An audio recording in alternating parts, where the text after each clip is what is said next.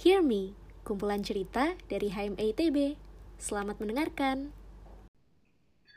Selamat datang kakak-kakak semua di podcast pertama HMA yang berjudul Empathize for Activize. Nah, hari ini kita udah kedatangan siapa aja nih teman-teman? Nah, hari ini kita udah kedatangan dua pembicara kita yang keren banget. Oke, aku sapa dulu ya. Halo Kak Faiza, halo Kak Taufik. Halo, Halo, Halo. hai. Hai. Halo, Van.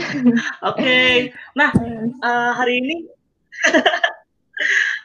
oke, jadi hari ini tuh eh, sebenarnya alhamdulillah banget nih di podcast perta- pertama HMA ini kita udah kedatangan pembicara yang keren-keren. Nanti mungkin Kak Taufik sama Kak Faiza bakal sharing-sharing nih.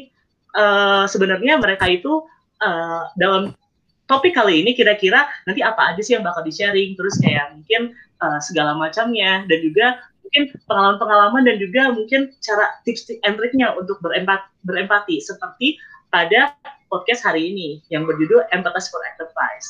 Oke, jadi sebelum eh, langsung aja kakak nih, aku sebenarnya pengen pertama aku nih sebenarnya eh, pengen nanya pengen nanya-nanya gitu sih sebenarnya di sini karena mungkin kita tahu di kondisi kita saat ini di pandemi COVID-19 ini banyak banget nih kira-kira hal-hal yang terjadi terutama mungkin eh, keadaan masyarakat gitu saat ini dan mungkin menurut kakak-kakak kira-kira sebenarnya realita yang terjadi sekarang di COVID-19 ini masyarakat itu seperti apa sih sekarang gitu mungkin boleh dari Kak Taufik dulu mungkin kira-kira menurut Kak Taufik sekarang sebenarnya realitanya masyarakat itu sedang apa yang sedang dilakukan gitu kira-kira di masyarakat terus kondisinya seperti apa di kalau COVID-19 ini Iya, baik. Terima kasih banyak ya, Ivan. Eh, ini banget ya, powerful banget ya. Ya, halo teman-teman eh, HME ya, yang podcastnya HME pertama. Sebelumnya kenalin dulu, nama aku Taufik Aditya Nugraha, biasa dipanggil Taufik. Tapi kalau di kampus sih biasanya bosprek sih, karena jualan geprek kali ya dulu ya. Sampai sekarang juga masih sih sebenarnya. Iya, kenalin aku eh, alumni eh, mahasiswa ITB juga eh, di Sekolah Bisnis Manajemen ITB di jurusan Kewirausahaan 2018. Masuknya 2015, lulusnya 2018. Ya. Sekarang aktivitas aku lagi jalanin ya bisnis sih, bisnis yang eh, geprek, eh, hijab sama yang bos tani di pasar online Ciram itu. Nah, tadi nih Van menarik banget ya pertanyaan gimana Covid sekarang sebenarnya yang aku tangkep ya nggak tahu ya ini pemahaman aku yang cukup ini yang bisa bilang mungkin agak dangkal mungkin ya. Ya menurutku Covid ini udah beres sih Van. Kalau menurutku ya udah beres itu kenapa? Jadi kalau menurutku orang-orang udah nggak aware lagi sama COVID nggak sih? Kayak ya gimana ya jalanan udah mulai rame, semuanya udah aktivitas kembali biasa. Jadi aku anggap ya mungkin mostly people nganggap bahwa COVID ini ya secara eh ini masih ada tapi secara dari tanggapan masyarakat kayaknya udah nggak ada deh udah biasa aja gitu. Karena udah nggak ada social distancing dan segala macam paling pakai masker dan lain-lain gitu sih. Jadi kalau menurutku mau gak mau masyarakat harus tetap kerja tetap aktivitas seperti biasanya tetap bisa hidup cari uang. Jadi covid ini ya mungkin secara eh ininya fisiknya mungkin udah nggak ada kali ya. Nggak tahu sih tapi karena aku, aku pun aku pun tipe aku pun tipe orang yang udah kayak ya udahlah bodo amat gitu kan. Yang penting keluar pakai masker tetap bawa hand sanitizer udah gitu kan tetap ke kondangan tetap kemarin baru resepsi juga gitu-gitu sih gitu bang kalau dari aku ya jadi mungkin covid udah beres ya bagi aku ya Oke, siap Kak. Makasih banget Kak Taufik. Mungkin itu pandangan Kak Taufik ya, seperti itu gitu. Keren banget Kak. Mungkin kalau dari Kak Faiza kira-kira sebenarnya realita yang terjadi di masyarakat ini mungkin di kala atau mungkin sesudah COVID-19 ini seperti apa sih Kak? Maksudnya karena mungkin bisa dijelaskan, mungkin Kak Faiza bisa melihat secara mungkin eh, interaksinya, atau mungkin tadi seperti Kak Taufik itu keadaan eh, secara keseluruhan ya segala macam gitu. Enggak Kak Faiza? Oke, eh, halo semuanya teman-teman HME. Eh, mungkin kenalan juga kali ya. Aku Faiza dari Meteorologi ITB, masih berjuang tingkat akhir. semangat Iya. Eh, Banget Kak. aku selama ini kan eh, aktif di salah satu komunitas, namanya komunitas teman berbagi. Jadi komunitas teman berbagi ini eh, sebuah NGO sebenarnya NGO yang bergerak di bidang pendidikan. Nah kita tuh banyak eh, melakukan berbagai kegiatan volunteer sama non volunteer, termasuk pas lagi pandemik ini. Jadi kita juga apa ya mencoba untuk menyesuaikan diri lah bersama pandemik ini gimana dengan uh, kegiatan volunteer kita dan non volunteer kita bisa tetap jalan. Nah untuk volunteer kegiatan volunteer sendiri kita kan uh, berkegiatan di panti-panti asuhan nih di beberapa panti asuhan di Bandung dan dan mau nggak mau berarti selama pandemik ini juga kita menyesuaikan gitu kegiatan-kegiatan kita di panti. Nah kalau ngomongin tadi realitasi masyarakat uh, mungkin yang bisa aku sharing yang tentang yang di panti doang kali ya karena kan selama covid ini mungkin ya kegiatan aku cuma di kosan panti asuhan kosan dan panti asuhan aja atau online lah sebagian besar nah kalau di panti asuhan sendiri anak-anak panti di beberapa panti yang tempat kegiatan kami itu uh, berusaha untuk menyesuaikan diri juga sih sama pandemi ini yang kayak tadinya mereka uh, banyak kegiatan di luar, mungkin kegiatan donatur atau sekolah dan lain-lain bisa di luar, sekarang semuanya di dilakukan di dalam panti asuhan dan uh, dan akhirnya mereka melakukan berbagai aktivitas salah satunya sekolah pun juga harus dari panti asuhan yeah. dan ya kayak gitu dan ya kendala pasti adalah sama kayak mungkin sama kayak uh, kondisi masyarakat menengah ke bawah pada umumnya ada keterbatasan internet, keterbatasan fasilitas juga. Karena kan mereka bayangin ada ber, ada puluhan anak-anak panti asuhan terus terus ada yang mungkin panti yang nggak boleh megang HP anak-anak panti asuhannya mau nggak mau jadi kayak satu atau dua HP dipakai bersamaan buat ujian buat apa namanya buat belajar yang kayak gitu-gitu sih. Jadi kayak kondisi panti ya panti asuhan juga lagi masih menyesuaikan gitu sih. Sekarang juga new normal juga lagi berusaha untuk menyesuaikan gitu kan. Terus kayak mereka juga biasanya ngelakuin beberapa kegiatan kayak salah satunya salah satu panti itu ada yang di, akhirnya berwirausaha di rumah kayak oh yaudah kan anak-anak panti asuhannya di rumah ini gitu kan sekolahnya. Jadi ya sambil ngerjain kayak bikin-bikin tas goodie bag terus dijual di berbagi jadi nambah penghasilan baru buat internet mm. lah atau buat fasilitas sekolah yang lainnya gitu kan. Nambah nambahin gitu kan karena kan ya mungkin dengan kondisi pandemi gini juga donatur berkurang mungkin jadi ya panti asuhan juga harus uh, berpikir gimana caranya supaya bisa tetap jalan gitu dengan kondisi yang ada kayak gitu sih kalau realita dari panti asuhan dan dari pengalaman selama berkegiatan di komunitas teman berbagi gitu. Oke, terima kasih banyak Kak Faiza. Wah, keren banget nih. Maksudnya kayak ternyata insight-nya macam-macam ya dari Kak Taufik dan Kak Faiza. Kalau Kak Taufik itu tadi bilang mungkin keadaan masyarakat sekarang uh, karena COVID-19 sudah dianggap beres, masyarakat sudah bisa ber, beraktivitas seperti biasa. Sedangkan Kak Faiza bilang kalau misalnya di panti ini masih pada menyesuaikan dengan kegiatannya karena mungkin karena new normal itu sendiri. Nah, sebenarnya dari pembicaraan kata-kata yang tadi aku tangkap, aku menemukan beberapa kata kunci nih yakni uh, COVID sudah selesai dan penyesuaian. Dan itu tuh kalau misalnya aku kaitin, sebenarnya kan masyarakat itu kira-kira emang lagi berada di tahap itu nih. Nah, mungkin menurut kakak kira-kira apakah masyarakat di tahap tersebut ketika COVID-19 sudah berakhir ataupun dalam masa penyesuaian menurut kakak apakah masyarakat itu akan baik-baik saja atau tidak gitu sih kak sebenarnya? Maksudnya tidak baik-baik saja ini adalah apakah mereka akan mengalami kesulitan-kesulitan maksudnya kayak mungkin kesulitan secara ekonomi segala macam ataupun mereka akan kembali lagi seperti semula gitu kak?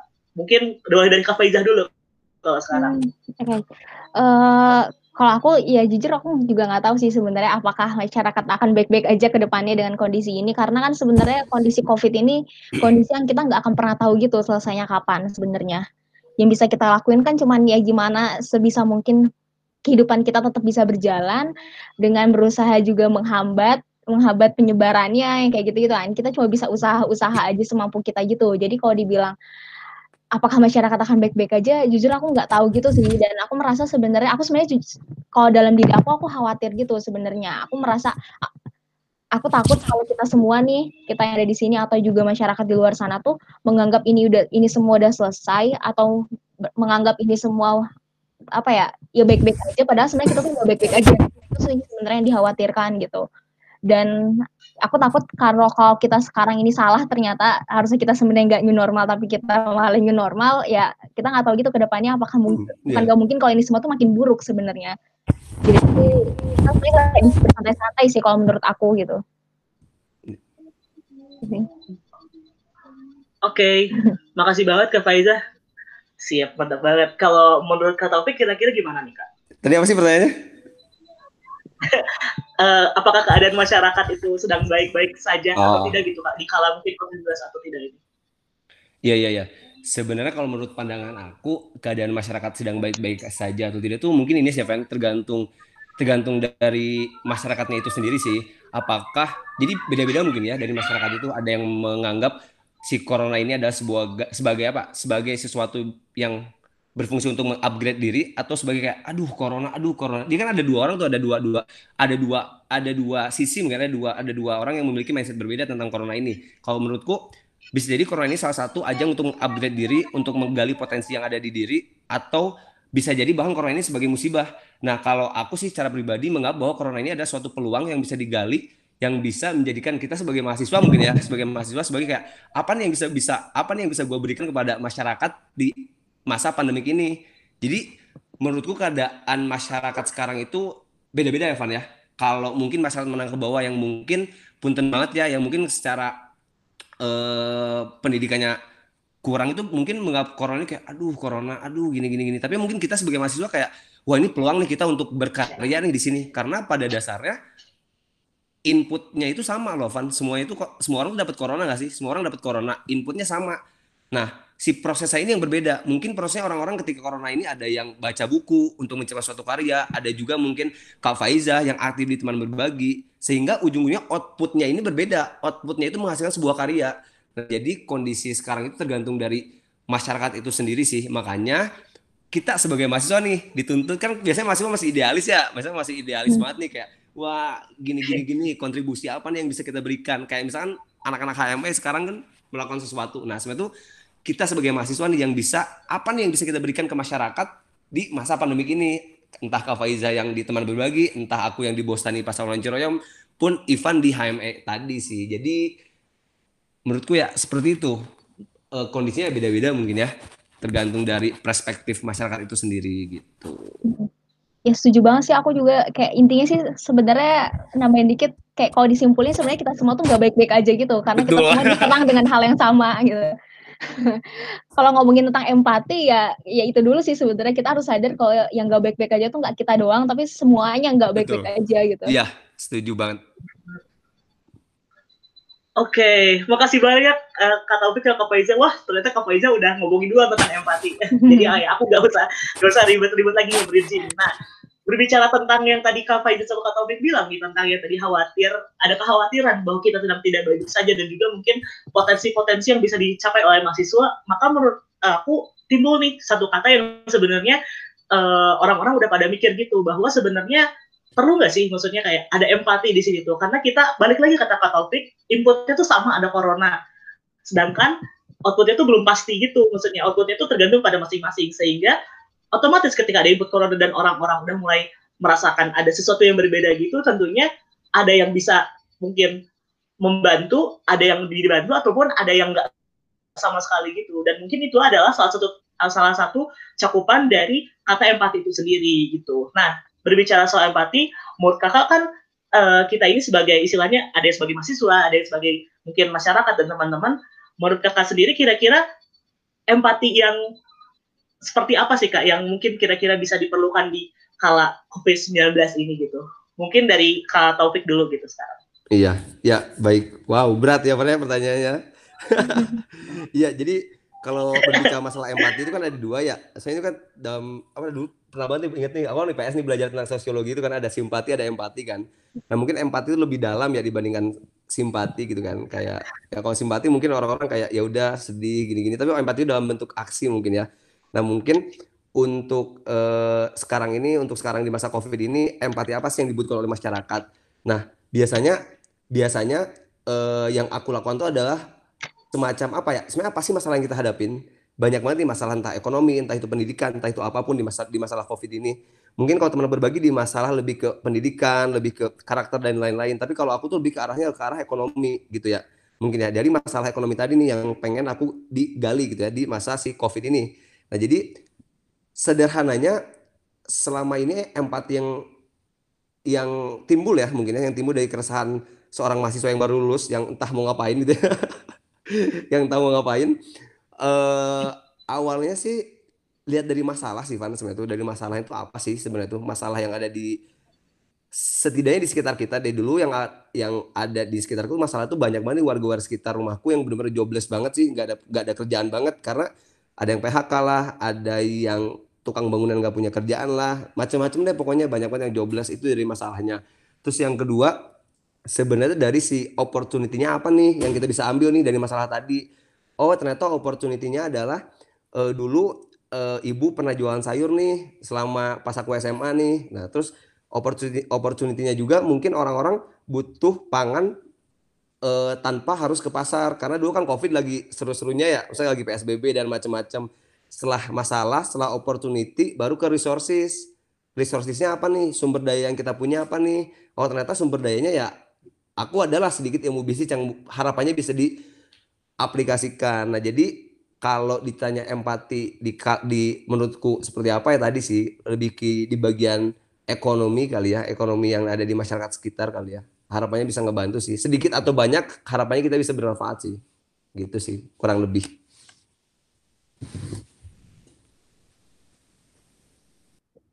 Oke, ter terima kasih banyak Kak Taufik. Wah, insight-nya ya, menarik sama -sama. banget nih. Mungkin kita terusin dulu nih ke Kak Faiza, kira-kira insight apa lagi? Nah, uh, kalau ngomongin empati tuh sebenarnya pada dasarnya semua man manusia dalam keadaan apa pun tuh sebenarnya membutuhkan empati ya, karena kan empati itu uh, bagaimana cara kita untuk bisa menempatkan diri menempatkan diri di posisi orang lain, bagaimana cara kita bisa merasakan memahami perasaan yang dirasain sama orang lain. Dan gimana kita bener ya tadi kayak yang tadi Taufik bilang juga kalau ya empati itu mungkin bisa dibilang lebih ke aksi gitu. Jadi bagaimana kita meres uh, aksi kita ketika merespon perasaan-perasaan itu gitu. Ketika kita mencoba untuk memahami orang lain. Sebenarnya basicnya bakal tetap sama sih entah itu COVID atau enggak COVID sebenarnya. Tapi kadang uh, yang aku rasain juga selama COVID beberapa bulan ini sebenarnya kita tuh yang bikin kita menghambat uh, eh menghambat proses empati dalam diri kita selama covid atau selama pandemik ini uh, bisa dibilang karena kita apa ya uh, merasa diri kita nggak baik-baik aja gitu. Jadi tadi mungkin balik lagi dikit ke yang aku sempat aku bilang kalau sebenarnya pada dasarnya kan kita semua tuh nggak baik-baik aja. Pada dasarnya kita semua nggak baik-baik aja jadi karena kita merasa gak baik-baik aja tapi kita bisa jadi nggak sadar kalau orang lain juga nggak baik-baik aja. Karena kita merasa ya udahlah kita ngapain sih mikirin orang lain dulu? gitu kenapa kita nggak makin diri kita sendiri aja dulu gitu? Gimana cara kita supaya kita survive gitu? Secara nggak sadar mungkin kita berpikir kayak gitu sekarang ini gitu. Karena ya tadi balik lagi tadi kan kita nggak ngerasa baik-baik aja. Nah jadi empati seperti apa yang bisa kita uh, terapkan di masa pandemi ini? Ya pertama mindsetnya ya yang gak baik-baik aja nggak kita sendiri doang semua orang gak baik-baik aja gitu. Terus gimana cara kita supaya mau pahamin orang? Ya coba cari tahu dunia luar gitu. Walaupun kita nggak bisa keluar mungkin kita harus menjaga jarak dan segala macam. Kita masih bisa lihat dunia luar kok entah itu dari sosial media atau di kita komunikasi sama orang-orang juga itu kita mencoba untuk memahami kondisi orang lain gitu mencoba untuk mencari tahu gitu. Karena pada dasarnya empati itu akarnya dari rasa ingin tahu gitu. Gimana kita pengen tahu tentang kondisi orang lain kita pengen tahu tentang apa yang orang lain rasain. Sebenarnya dari situ aja dulu gitu. Dengan situ kita udah bisa ngeliat dunia luar kayak gimana barulah di situ ngomongin potensi juga gitu gimana apa sih yang bisa kita kasih dengan pandemi ini kita nggak baik-baik aja orang lain juga nggak baik-baik aja artinya kan mungkin ada ada kemungkinan kita juga nggak bisa ngasih banyak buat orang lain gitu kan Nah, uh, ya di situ mungkin kita juga berempati, akhirnya berempati sama diri kita sendiri juga. Sebenarnya kita apa sih yang bisa kita kasih ke orang lain gitu? Apa sih yang kita punya? Karena kan sebenarnya berbuat baik itu nggak harus banyak-banyak ya. Semua orang tuh sebenarnya punya sesu sesuatu yang bisa kita bagiin kan ke orang yeah. lain gitu. Apa pun itu gitu, kita nggak punya uang karena ya emang misalnya pandemi ini emang lumayan runtuhkan ekonomi banyak orang gitu, kita nggak punya uang, oh kita punya punya ilmu nih, kita punya energi gitu kan, kayak kita ngomong kita ngomong di sini aja kan kita sebenarnya membagikan sesuatu buat orang lain gitu kan. Nah gitu sih sebenarnya menurut aku justru dengan pandemi ini kita benar tadi yang Kak Taufik bilang kalau kita semakin apa ya semakin melihat gitu kita semakin belajar hal baru kita semakin mengeksplor diri kita kita jadi makin tahu gitu sebenarnya hal-hal kecil apa yang bisa kita kasih ke orang lain gitu. Jadi sebenarnya belajar simple sih aku mikirnya selama kita pandemi ini. Belajar simple empatinya juga nggak usah dibuat rumit gitu kan. Terus ya kita ngasih sesuatu ke orang lain juga nggak perlu dibuat rumit gitu. Itu sih kalau dari aku. Oke, makasih banget ke Faiza. Wah, tadi tuh kata Taufik bilang tentang opportunity ketika kita empati itu kita bisa apa yang bisa kita lakukan. Terus kalau ke Faiza tuh intinya aku tangkap itu adalah bagaimana caranya kita membuat si em, apa namanya segala sesuatu menjadi simpel dan biar empati itu walaupun nggak usah rumit-rumit aja tentang simpel-simpel aja.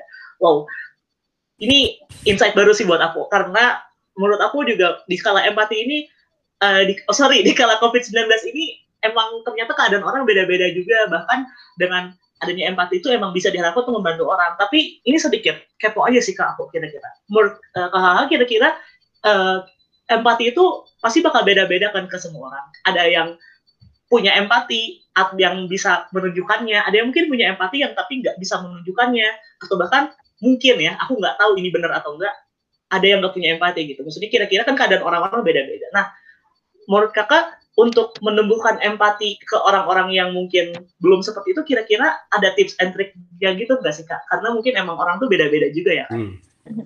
Uh, ke Kak Faizah dulu deh, boleh kalau Ya, uh, kalau ngomongin gimana cara empati, sebenarnya emang sih nggak semua orang bisa berempati, eh nggak bisa nggak semua orang punya empati, tapi semua orang bisa empati sebenarnya tapi sama empati itu kalau menurut aku dan dari sebenarnya kan teman berbagi juga banyak apa ya banyak ngelakuin kegiatan-kegiatan non volunteer dan kita tuh banyak bahas ini sebenarnya. Empati itu salah satu apa ya salah satu value yang selalu kita pegang entah itu di, di program volunteer maupun non volunteer sebenarnya. Nah e, dari dari teman kalau dari yang selama ini teman berbagi lakuin tuh kita percaya gitu kalau sebenarnya empati itu semua orang bisa ngelakuin gitu semua orang bisa ngelakuin tapi tentang gimana kita tuh mau gak sih untuk melakukan itu mau gak sih kita belajar itu gitu. Karena empati itu sesuatu yang gak bisa langsung instan langsung kita oke okay, mau empati yaudah gini uh, funding rasain apa sih? Aku mau ngerasain juga dong. Nggak empati itu sebenarnya nggak sesimpel itu gitu. Empati itu ada proses ada banyak proses di dalamnya ada ya mungkin kalau aku bisa bilang uh, empati itu basicnya dari rasa ingin tahu dulu rasa ingin tahu dan kemampuan kita untuk memahami dan mendengar orang lain. Jadi rasa ingin tahu, memahami dan mendengar. Jadi di di asal tuh tiga hal itu dulu gitu. Bisa nggak sih tiga hal itu kita lakuin? Kalau misalnya tiga hal itu udah bisa kita lakuin, em proses empatinya tuh jauh lebih mudah gitu. Karena kita jadi lebih paham tentang orang lain. Sebenarnya intinya gitu sih. Kalau mau mengasah empati, kalau belum ya mengasah empati dimulai dari situ dulu gitu. itu sih. Mungkin dari Oke okay, Kak, makasih banyak. ya.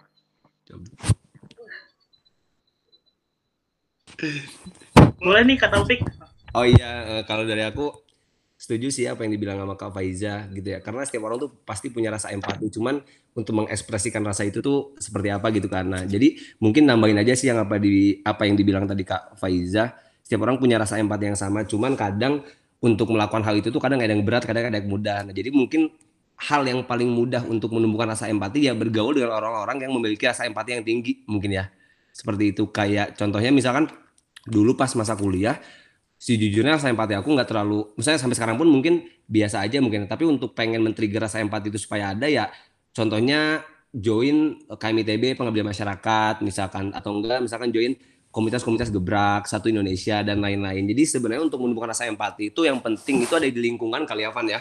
Di lingkungan kita. Bagaimana lingkungan kita bisa mensupport kita ke arah sana. Karena ketika lingkungan kita bisa mensupport kita ke arah sana maka setidaknya ketika kita mager pun kita punya orang untuk menggerakkan kita loh. At least kita organisasi, kepanitiaan dan lain-lain. Dan biasanya itu ketika orang-orang yang memiliki rasa empatinya rendah terus kepaksa kepaksa kepaksa ya udah jadi biasa. Jadi jadi ketika melakukan hal itu ya jadi biasa aja. Contohnya kayak dulu tuh pernah Royan cerita.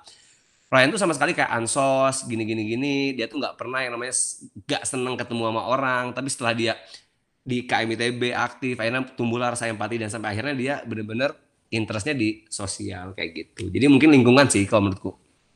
Ya, mau nambahin juga. Jadi kan tadi uh, ngomongnya lingkungan juga. Nah, tapi harus uh, harus ingat juga kalau mau empati itu harus bisa membuka diri gitu. Karena uh, kalau kita juga uh, kalau kita nggak membuka diri ya mau kita ada di lingkungan mana pun ya kita akan tetap kayak gitu-gitu aja gitu. Kita nggak akan bisa ngerti orang lain, kita nggak akan bisa dengerin orang lain dan ya balik lagi empati itu proses gitu. Jadi kayak tadi ya harus mau membuka diri harus mau cari tahu harus mau mendengar. Mendengarnya juga nggak sekedar mendengar yang pasif tapi active listening juga. Nah kayak gitu itu proses yang terus-terusan diasah sih. Jadi ya kalaupun kalaupun kalau kita nggak merasa nggak bisa atau ngerasa nggak mampu untuk mengekspresikan sebenarnya nggak apa-apa. Karena emang itu semua proses gitu. Jadi mungkin ya kita belum belum bisa belum bisa aja tapi kita pasti bisa gitu. Mindsetnya diubah ke situ sih sebenarnya ngomongin empati tuh Oke, makasih banyak Kak Taufik, Kak Faiza. Hmm, menarik banget sih. Maksudnya kayak membuka diri dan juga untuk bergaul dengan orang-orang yang berempati. Wow. Dan emang di sini tuh uh, apa namanya dengan berempati ini diharapkan juga maksudnya bisa membantu orang-orang juga ya kakak-kakak ibaratnya. Nah, mungkin uh, next pertanyaan selanjutnya mungkin kalau aku sih mikirnya hmm, kira-kira ketika empati ini udah ada nih misalnya dengan tadi cara membuka diri, bergaul dengan orang-orang, next stepnya untuk empati yang lebih jauh ini kira-kira apa sih kakak-kakak? Terutama kan mungkin dari kalau COVID-19 ini orang-orang berpikir kalau banyak hal yang bisa dilakuin misalnya segala macam atau mungkin dari lihat dari kondisi masyarakatnya yang mungkin tadi kata kata Taufik bilang ada beberapa yang sudah di PHK, jobless ataupun misalnya ada yang kesulitan dalam mungkin dalam bidang ekonomi, pendidikan bahkan mungkin kayak pendidikan kayak kemarin misalnya anak-anaknya sulit untuk bersekolah segala macam atau bahkan anak-anaknya sulit untuk mendapatkan fasilitas untuk PJJ pembelajaran jarak jauh gitu. Kira-kira next stepnya itu seperti apa? Mungkin dari Kak Taufik dulu deh sekarang. Eh, bener ya dari Kak Taufik dulu. Hmm, next step apa nih, Van? Next stepnya maksudnya uh, ketika empatinya udah ada, kira-kira untuk men, apa namanya apa yang bisa dilakukan gitu kak kira-kira? Ya udah aksi aja. Sebenarnya sejujurnya aku bingung sih ketika ditanya hal seperti ini ya. Tapi ketika next step untuk uh, meningkatkan empati kita ya langsung diaksi aja sih. Karena aku kan tipikal orang yang apa ya mungkin yang bisa dibilang ya udah jalan dulu aja deh. Kayak ketika ada pengen sesuatu ya udah jalan dulu aja deh gitu kan. Kayak misalkan awal-awal yang berjalannya si online Ciroyom itu kan yang sekarang jadi bos tani itu kan awalnya sesederhana kayak aduh apaan sih nih gue gabut banget di rumah gitu kan. Keperganyang tutup gitu kan. Kan perganyang di ITB yang di Cimahi tutup gitu kan. Akhirnya uh, aku ngerasa kayak ih gabut banget di rumah rebahan banget kan pas awal-awal covid ini. Kayak apa nih yang bisa apa nih yang bisa kegiatan apa yang bisa trigger aku supaya bisa gerak? Akhirnya ya udah deh lihat keresahan aja. Pertama tadi yang orang-orang tuh nggak punya kerjaan terus pasar Ciroyom sepi banget terus eh apa namanya tuh orang-orang nggak mau ke pasar gitu kan. Akhirnya ya udah aku sesederhana buka jualan sayur online kayak gitu sih. Jadi kayak ya udah jalan dulu aja deh lihat masalahnya ada opportunity-nya ada resource-nya ada ya udah sikat jualan aja jualan si sayur online tadi. Lucu sih sebenarnya kalau pengen, pengen cerita dikit ya terkait si sayur online tadi. Mungkin sebenarnya jawabannya sederhana. Ya udah tinggal don't think too much just do it gitu deh jawabannya deh. Jangan terlalu banyak mikir tinggal lakuin aja deh gitu kan. Pun ini terjadi pas aku jualan di pasar Lawan Ciroyom. Akhirnya ya udah jualan kan di pasar Ciroyom tuh. Pertama yang jadi driver itu warga-warga sekitar tuh yang jobless tuh. Yang jadi warga-warga sekitar rumahku yang jobless itu jadiin driver untuk ngangkut sayur. Itu dulu awal-awal tuh sekitar 7 sampai 8 driver. Jadi si ongkirnya tuh untuk si drivernya tadi. Yang pertama itu. Terus yang kedua tuh aku ambil barangnya di pasar Ciroyom karena dulu kan covid kan harapannya si sayur di pasar Ciroyom ini bisa sedikit lebih ramai gitu. Karena aku suka banget sih apa yang dikatakan sama Kak Faiza. Sebenarnya empati itu nggak harus dibuat simpel aja sih. Kebaikan tuh nggak nggak perlu banyak-banyak pun nggak jadi masalah. Yang penting kita bermanfaat gitu ya kurang lebih. Nah akhirnya dulu tuh beli di pasar Ciroyom kan sih barangnya itu. Terus setelah itu kita jual dan akhirnya akhirnya orang-orang bisa beli pangan tanpa ke pasar. Terus pasar Ciroyom bisa ramai dan warga-warga sekitar rumahku bisa kerja. Jadi driver nggak cuma driver sih ada tim packing. Terus akhirnya mulai dari pegawai satu admin finance marketing gitu kan. Sampai akhirnya sekarang ada pegawai empat. Dan itu semua itu yang terdampak covid semua. Jadi orang-orang yang kayak PHK kena covid jadi ada tim manajerialnya ada tim drivernya ada tim packingnya gitu loh Van uh, si pasar online sekarang itu. Dan setelah adanya setelah covid ini mulai reda kayak wah ini covid mulai reda nih si pasar Ciroyom mulai rame lagi banget kan rame banget lagi kan. Akhirnya ya udah deh kita repurpose aja. Jadi bukan memberdayakan pasar Ciroyom deh. Berarti kita sekarang pengen memberdayakan petani. Jadi kita ngambil barangnya langsung dari petani gitu. Jadi pelan-pelan kita nanam sendiri sewa lahan di petani yang ada di Lembang. Jadi sebenarnya adalah kita ganti nama kan jadi pasar online Ciroyom menuju Bos Tani. Jadi harapannya kita bisa hmm. mensejarahkan petani yang ada di Indonesia tapi awal di Lembang dulu aja. Karena kenapa? Karena ujungnya itu kan pangan itu ada di petani ya sebenarnya kan. Dan petani sebenarnya layak untuk jadi kaya sih sebenarnya. Tapi kenapa banyak petani yang nggak kaya kaya nah itu sih harapannya dengan adanya bos tani itu bisa menjadikan petani menjadi bos gitu deh. Jadi ketika ditanya empati itu gimana ya just do it aja deh. Karena untuk value value gitu gitu untuk untuk untuk untuk mengasah itu biasanya lagi di prosesnya itu sih. Jadi ketika orang mau melakukan suatu tindakan jangan terlalu banyak mikir deh kayaknya mending jalan aja deh kayak bikin podcast ya udah deh jalan aja dulu kayak value-value podcastnya apa di jalan di tengah-tengah aja deh sambil improvement kayak gitu sih kalau aku sorry kepanjangan btw bingung juga mau jawab apa soalnya Gak apa-apa banget kak. Oke, makasih banyak kak Topik, keren banget insightnya. Boleh kak Faiza? Nah, uh, kalau dari aku sendiri sih, dari yang aku tahu dan menurut aku sendiri ya, menurut aku, empat kalau kita udah ngerasain empati itu sebenarnya kita ke-trigger buat aksi gitu karena uh, kalau dari aku sempat baca kalau katanya tuh empati itu uh, bisa dibilang agen untuk menghubung menghubung manusia gitu, penghubung sosial. Jadi kayak empati itu justru yang menghubungkan kita satu sama lain dengan orang lain. Jadi kalau menurut aku kalau udah bisa ngerasain empati, nggak perlu ada pertanyaan lagi apa sih yang harus dilakukan setelah empati gitu. Karena itu akan akan si empati itu yang akan menjadi trigger untuk kita melakukan sebuah aksi. Jadi sebenarnya justru fokusnya ya gimana caranya supaya bisa berempati dengan baik aja dulu gitu. Nah, dari situ ya bakal ngelakuin sih.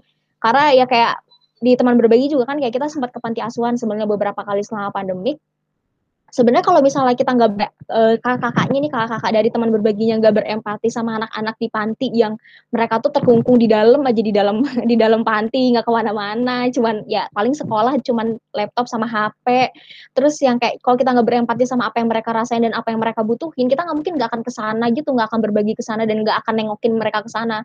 Dan ternyata pas kita nengokin ke sana pun mereka tuh sesenang itu gitu sebahagia itu sampai mereka nanya kak boleh nggak ke sini lagi? Gitu. Kan kalau ke sini lagi mau hari apa? Gitu kan. Tuh aku sempat nanya kalian seneng ya kakak ke sini iya kak seneng. Kita pengen buat belajar sama kakak-kakak soalnya yang kayak apa ya jadi ya simpel banget sih empati lakuin dan aku yakin kalau udah dilakuin kita bakal ketagihan gitu buat ngelakuinnya yeah. gitu. Gitu sih karena ya berhubungan sama manusia itu sebenarnya menyenangkan itu. Entah itu introvert atau ekstrovert yang menurutku ada akan ada porsi-porsi menyenangkan gitu ketika kita mencoba untuk melakukan sesuatu buat orang lain sih. Bahkan hal-hal simpel pun gitu. Sekedar kehadiran pun itu sesuatu yang udah keren banget sebenarnya. Sesenang itu woy gitu ya? Iya senang itu si anak-anak pantinya juga gitu. Itu sih. Jadi kalau ya empati yang dipikirin gimana caranya empati aja gitu. Nanti setelah itu bakal ada trigger terus kok. Yang penting kita terus mencoba untuk menjaga itu aja. Menjaga perasaan kita menjaga menjaga proses empati itu untuk tetap ada. Kalau menurut aku gitu sih. Oh. oke okay, makasih banyak kak Faiza. Wow dari penjelasan kedua tadi itu ya jelas berarti yang aku tangkap itu adalah bagaimana caranya empati itu selanjutnya apa? Oh ya udah langsung aja action aja karena ya udah nggak usah mikir panjang lah kata kak Taufik langsung dulu langsung aja dulu just do it. Dan kalau kata kak Faiza itulah si empati itu yang bakal jadi trigger itu sendiri. Kurang lebih seperti itu. Nah ya, oke okay, mungkin ini bakal dikit lagi nih kak. Kak nggak banyak banyak lagi. Mungkin uh, aku pengen tahu nih kak maksudnya ketika tadi berbicara soal aksi-aksi yang dilakukan karena tadi kakak sebenarnya udah sharing nih tentang kalau kak Pegi tadi tentang komunitas teman berbagi, terus kalau kak Taufik tentang pasar online Ciroyom yang akan beralih ke Bostani. Nah mungkin dari kakak-kakak ada yang kakak-kakak mungkin bisa ada yang pengen di-sharing lagi gitu kak, maksudnya kayak kan tadi berbicara tentang empati ya gitu, lalu mungkin keberlanjutannya seperti apa? Si uh, komunitas teman berbagi dan pasar Ciroyom online ini dan kira-kira dampak untuk masyarakatnya seperti apa gitu. Kan tadi aku pengen tahu aja sih kamu maksudnya kayak dampak ke masyarakat dan juga dampak ke anak-anaknya kayak gimana gitu. Oh iya. Mungkin Kak Faizah, iya. Mungkin Kak Faizah dulu deh. Oke. Okay. Uh, eh, kalau di komunitas teman berbagi sendiri ya karena kita tuh sebenarnya uh, empati itu emang benar-benar salah satu nilai yang kita pegang banget ya. Jadi apa pun yang kita lakuin sebenarnya kita mencoba untuk bisa menerapkan itu. Entah itu ke anak-anak di panti asuhan melalui program non volunteer ataupun dengan kegiatan-kegiatan eh enggak anak kalau di panti asuhan kegiatan volunteer sama kegiatan-kegiatan non volunteer juga ada gitu. Dan teman berbagi uh, teman berbagi sendiri kan sebenarnya mencoba untuk nggak nge-reach, nggak nggak cuma menyebarkan pesan-pesan baik ke anak-anak panti asuhan doang, tapi kita juga sebenarnya pengen banget ke semua ke semua orang di sekitar kita gitu. Makanya kita banyak juga ngelakuin kegiatan-kegiatan non volunteer karena kita tahu sebenarnya yang butuh yang butuh materi-materi yang biasa kita bawain, kurikulum yang biasa kita bawain itu tuh nggak cuma anak-anak panti asuhan tapi sebenarnya orang-orang di sekitar kita gitu. Orang-orang pada umumnya lah ya umur 20-an yang lagi mencari jati diri dan segala macam itu orang-orang yang membutuhkan itu sebenarnya. Jadi quarter life uh, crisis ya. Iya, bener banget. Jadi kita juga banyak ngelakuin kegiatan dan kalau misalnya teman-teman HME juga yang denger ini juga pengen tahu sebenarnya komunitas teman berbagi kayak apa boleh dilihat juga di Instagramnya komunitas teman berbagi kita banyak banget ngelakuin kegiatan selain ya kalau panti asuhan emang kita lebih banyak di internal aja gitu ngelakuinnya tapi kita juga punya banyak kegiatan non volunteer yang bisa banget buat diikutin gitu kan bisa buat belajar empati bisa buat belajar macam-macam sih active listening terus habis itu seni mendengarkan dengan baik seni mencintai lebih baik kita tuh punya banyak program yang sebenarnya tuh untuk menumbuhkan ini semua gitu karena ngomongin empati ngomongin uh, mengenal diri sendiri itu tuh sesuatu yang apa ya bisa dibilang kebutuhan dasar gitu. Dan itulah yang dilakukan sama teman berbagi gitu sih sebenarnya. Jadi ya balik tadi kan aku selalu bilang itu tuh proses. Dan untuk proses itu banyak banget apa ya banyak banget hal-hal apa ya banyak banget jalan buat belajarnya gitu kan. Ya salah satunya untuk berke berkegiatan ya inilah yang dilakukan juga sama teman berbagi gitu. Dengan berbagi kita juga belajar kayak gitu. Itu sih Oke, okay, makasih banyak Kak Faiza. Kak Taufik, mungkin bisa sharing-sharing lagi. Sharing-sharing apa nih? Aku lupa banget orangnya sumpah. Gak apa-apa kak. Nambah-nambahin aja gitu kak. Kan tadi mungkin lebih, kan tadi kakak udah sharing sedikit nih tentang pasar CRM online yang sekarang itu mungkin lagi karena repurpose menjadi Bostani ceritanya. Nah mungkin kira-kira bisa sharing lagi aja nih kak. Maksudnya kayak ketika kakak udah berproses ini kira-kira dampak ke masyarakatnya gimana terus kayak Oh. orang-orang pada senang atau enggak gitu Iya segala iya macam. iya. Iya, sorry ya, Pan. Iya, jadi eh, kalau ngomongin dampak ke masyarakat terkait si pasar online Ciroyom ini sebenarnya oh ya FYI nih Van sebenarnya tuh udah ganti beberapa minggu yang lalu nih. Jadi dari pasar online Ciroyom ke Bostani itu udah beberapa minggu yang lalu. Jadi kita udah rebranding nih dari pasar online Ciroyom ke Bostani. Nah, jadi kalau ngomongin dampak apa yang udah eh, kerasa mungkin ya di Covid ini ya alhamdulillah sih. Maksudnya sedikit atau banyaknya pertama mungkin ibu-ibu pada seneng kali ya ibu pada seneng udah ada fasilitas mungkin sayur online udah di mana-mana sudah banyak banget kompetitor ya ada sayur box ada banyak lah pokoknya banyak banget kompetitor-kompetitor itu. Jadi harapannya aku seneng banget sih dengan adanya kompetitor ini jadi memudahkan ibu-ibu terus atau anak muda yang pengen belanja sayur itu via online. Jadi mungkin untuk menahan eh, rantai penyebaran dari covid ini gitu kan yang pertama itu. Terus yang kedua ya eh, apa ya kalau dibilang udah sejauh mana di Boston ini ya kita sedang lagi lagi garap ini sih sebenarnya kita lagi garap pertanian yang ada di Lembang sih. Kebetulan kebetulan kebetulan orang tua punya lahan juga di sana. Terus kebetulan juga eh kita ada satu petani sih. Sekarang baru satu peta, baru satu petani sih yang kita yang kita coba bantu sih yaitu Wajaja. Mungkin kalau lihat IG-nya Bostani tahu tuh Wajaja. Jadi kita nanam langsung di sana. Terus kita kan biasanya petani itu unik sih kalau kita ngomongin petani itu sebenarnya tuh. Jadi ketika kita ngomongin petani jadi petani itu sebenarnya tuh yang layak paling kaya sih dibandingkan yang lain sih. Karena yang produksi itu petani terus tapi kadang petani itu udah ada kayak rantai pernah nggak sih beli kayak pasar Ciroyom terus ada tengkulaknya dan lain-lainnya gitu loh. Nah sedangkan dari petani itu harganya misalnya harga brokoli misalnya harga brokoli itu di petani itu 5000 ya sedangkan di pasar itu bisa jual 15000 nah itu jadi rantainya tuh terlalu panjang dan petani itu jadi itu kebagiannya sedikit. Nah harapannya dengan adanya bos tani ini bisa membantu petani untuk layak lah hidupnya bisa sejahtera juga. Karena sistem kerjasama bos tani dengan petani itu bukan beli putus gitu loh. Kita beli brokoli putus sekian tapi enggak kita ajak dia berinvestasi juga. Jadi kita bagi hasil 50% 50% bos tani 50% petani petani 50% jadi untungnya dibagi dua jadi dua-duanya bisa enak lah gitu kan. Kayak gitu. Jadi sekarang kita ke arah petani sih ke arah eh, coba bantu petani yang ada di Lembang supaya bisa lebih produktif juga supaya bisa lebih hasil panennya bagus. Terus juga alhamdulillah juga yang kerja sekarang juga teman-teman yang kena covid semua. Dan lucunya adalah yang sebenarnya yang kerja di yang kerja di Boston itu backgroundnya tuh nggak bisnis semua ya. Ada anak FKG ada anak psikologi ada anak bahasa Inggris. Dan kebetulan ada partner co-founder dari Boston baru balik kebetulan dari Belanda S2 ya jadi bisa dikerjain bareng-bareng. Jadi kalau bicara masalah dampak itu sih. Jadi lebih ke intinya orang-orang internal yang ada di Boston itu orang-orang yang terkena dampak corona sih. Mulai dari eh, resellernya teman-teman di kampus itu teman-teman yang kena dampak corona juga terus drivernya warga-warga sekitar yang kena corona juga pun si pegawai-pegawainya pun yang teman-teman yang ada yang koas nggak bisa akhirnya dicoba belajar bareng di Bostani kayak gitu sih. Jadi lebih ke arah pasar online Ciroyom ganti ke Bostani ya harapannya repurpose jadi bisa bantu para petani. Gitu sih sesimpel itu sih sebenarnya kayak gitu sih. Kalau update terkait Bostani Aku mau nambahin dikit boleh nggak, Van? boleh banget. Boleh banget kak. Iya kak, jadi kalau aku ya, ini pendapat aku sih, sebenarnya eh, kalau ngomongin dampaknya kita tuh kadang sebenarnya nggak bisa benar-benar tahu gitu dampak tuh kayak gimana, karena kan dampak tuh ngomonginnya pencapaian dan itu tuh parameter setiap orang pencapaian kesuksesan sesuatu dari suatu pergerakan tuh sebenarnya beda-beda kan. Kalau itu menurut aku ya, kalau menurut aku gitu. Jadi kalau kalau di teman berbagi sendiri tuh kayak kita eh, belakangan ini lagi mencoba untuk fokus kita nggak usah terlalu sering ngomongin pencapaian.